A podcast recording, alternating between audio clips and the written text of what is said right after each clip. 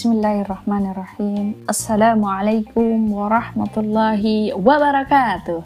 Alhamdulillahirrabbilalamin Kembali jumpa dengan saya Ukhtian di channel podcast kali ini Bagaimana kabar sahabat muslimah semua? Semoga tetap sehat, tetap semangat, dan tambah solihah Semoga hari ini menjadi hari yang lebih baik daripada hari kemarin Dan semoga hari esok menjadi hari yang lebih baik daripada hari ini Baik sahabat muslimah semua, kita akan lanjutkan di agenda BAN atau baca apa nih? Insya Allah kita akan membaca kitab Daulah Islamiyah karya Syekh Taqiyuddin Anabani rahimahullah. Yang mana sebelumnya kita sudah mengulas ya terkait interaksi dakwah dan ini masih ada kelanjutannya. Jadi kita akan melanjutkan perihal interaksi dakwah. Baik, mari sama-sama langsung kita simak bersama. Demikianlah dakwah terus berjalan di semua lini. Meski berbagai halangan berupa penindasan dari kafir Quraisy terus menghadang. Hal itu semakin memperburuk kondisi kafir Quraisy dan semakin keras kekhawatiran mereka terhadap penyebaran dakwah di antara kabilah-kabilah Arab. Setelah sebelumnya tersebar di Mekah. Karena itu, mereka meningkatkan penganiayaan terhadap para pengembannya dan memperbanyak cara-cara penindasannya. Maka, berbagai tindak kejam mereka pun mendera beliau sehingga benar-benar menghimpit beliau. Lalu beliau pergi ke daerah Taif untuk mencari pertolongan dan perlindungan dari Bani Thaqif. Sekaligus mengharapkan mereka masuk Islam. Namun, mereka menolak beliau dengan jawaban yang sangat menyakitkan dan menyuruh ona, dan menyuruh anak-anak mereka serta orang-orang bodoh untuk mencaci maki Nabi dan melemparinya dengan batu sehingga kedua kaki beliau berdarah. Beliau pun meninggalkan mereka dan pergi hingga sampai di sebuah kebun anggur milik Utbah dan Syaibah, dua anak Rabi'ah di kebun itu beliau berpikir tentang urusan diri beliau dan dakwahnya. Saat itu beliau tidak bisa masuk ke Mekah kecuali dengan perlindungan salah seorang pemimpin Mekah yang musyrik. Di sisi lain, beliau juga tidak bisa pergi ke Taif setelah menghadapi penganiayaan. Beliau juga tidak mungkin tetap berada di kebun anggur tersebut karena perkebunan itu milik dua laki-laki musyrik. Kesulitan semakin menekan beliau Lalu beliau menengadahkan kepalanya ke arah langit, mengeluhkan keadaannya kepada Allah dalam kondisi yang sangat tersiksa. Beliau berusaha membesarkan kepercayaannya pada Allah, mengharap ridhonya seraya berdoa.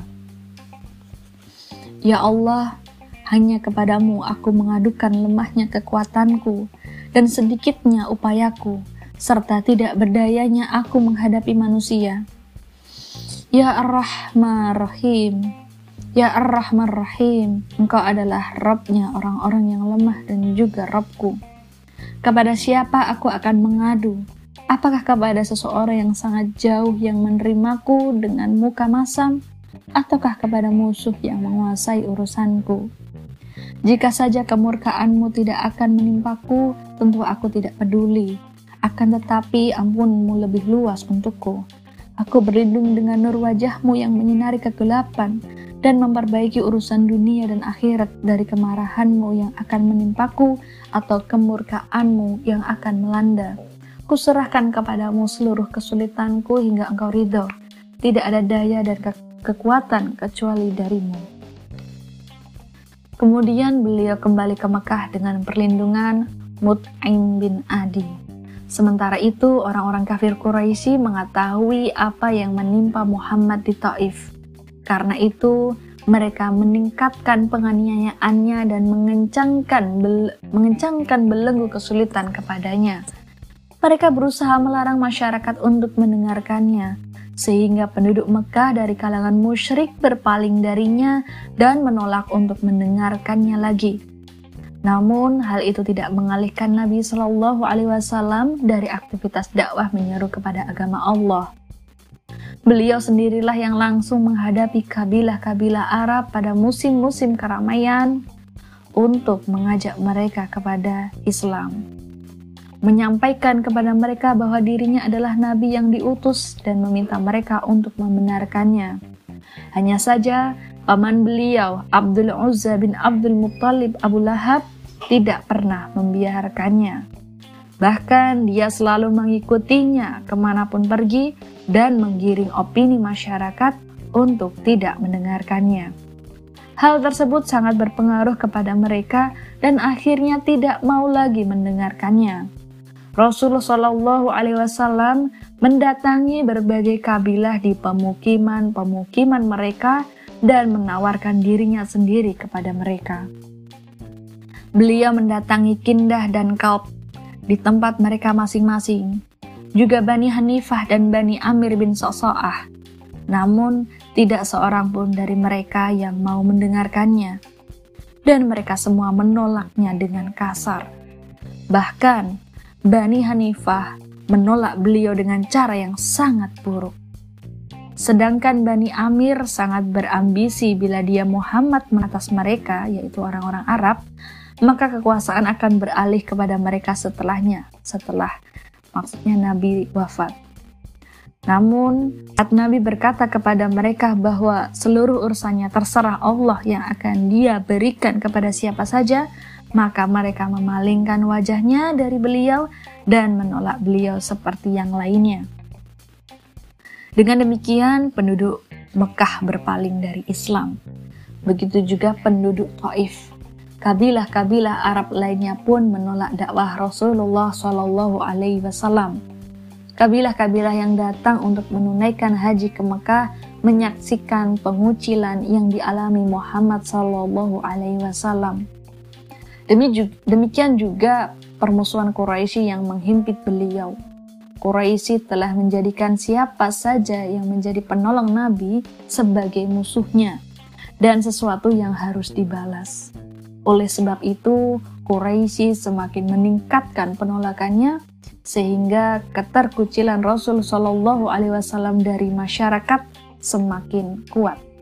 Akibatnya dakwah di Mekah dan di akibatnya dakwah di Mekah dan sekitarnya semakin sulit dan masyarakat Mekah memperlihatkan kekufuran dan perlawanannya yang amat kejam sehingga menjadikan cit sehingga menjadikan cita-cita dakwah melemah.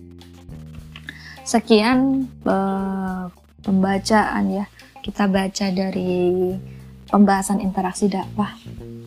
Di sini kita mendapatkan bagaimana kondisi mendapatkan kabar ya bagaimana Rasulullah Shallallahu Alaihi Wasallam istiqomah mengemban dakwah Islam dengan berbagai macam tantangan, rintangan, dan luar biasa ujiannya.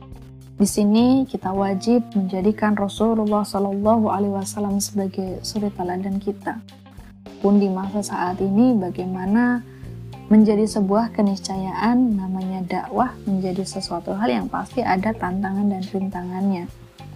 Kalau di masa Rasulullah Shallallahu Alaihi Wasallam pertentangan itu hadir dari kalangan kafir Quraisy dengan sistem kufurnya, ya Bagaimana saat ini juga tidak terlepas adanya tantangan berupa sistem kufur atau sistem yang bertentangan dengan syariat Islam. Hingga bagaimana kita berusaha ya untuk mengikuti metode dakwah Rasulullah Shallallahu Alaihi Wasallam. Ketika beliau menyerukan dakwah, beliau tidak uh, ini ya istilahnya tidak berhenti ya, tetapi beliau terus menerus berdakwah meskipun macam-macam responnya. Terlebih responnya penantangannya luar biasa ya. Sebelumnya terjadi penganiayaan, sebelumnya juga ada strategi propaganda, termasuk juga strategi pemboikotan.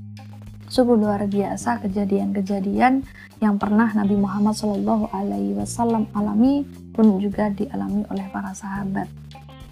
Kita tidak boleh uh, lemah ya dalam lengah lemah atau lengah dalam hal berdakwah. Semoga dengan kita senantiasa menjadikan Rasulullah Shallallahu Alaihi Wasallam sebagai suri teladan kita senantiasa bangkit spiritnya untuk terus melakukan aktivitas amar ma'ruf nahi mungkar. Baik sahabat muslimah semua sekian agenda BAN kali ini. Baca apa nih? Perihal interaksi dakwah semoga bermanfaat. Mohon maaf apabila ada kekurangan dan kesalahan tetap semangat, dakwah terus-terus dakwah. Sampai jumpa di agenda podcast selanjutnya insya Allah. Wabillahi taufiq wal hidayah. Wassalamualaikum warahmatullahi wabarakatuh.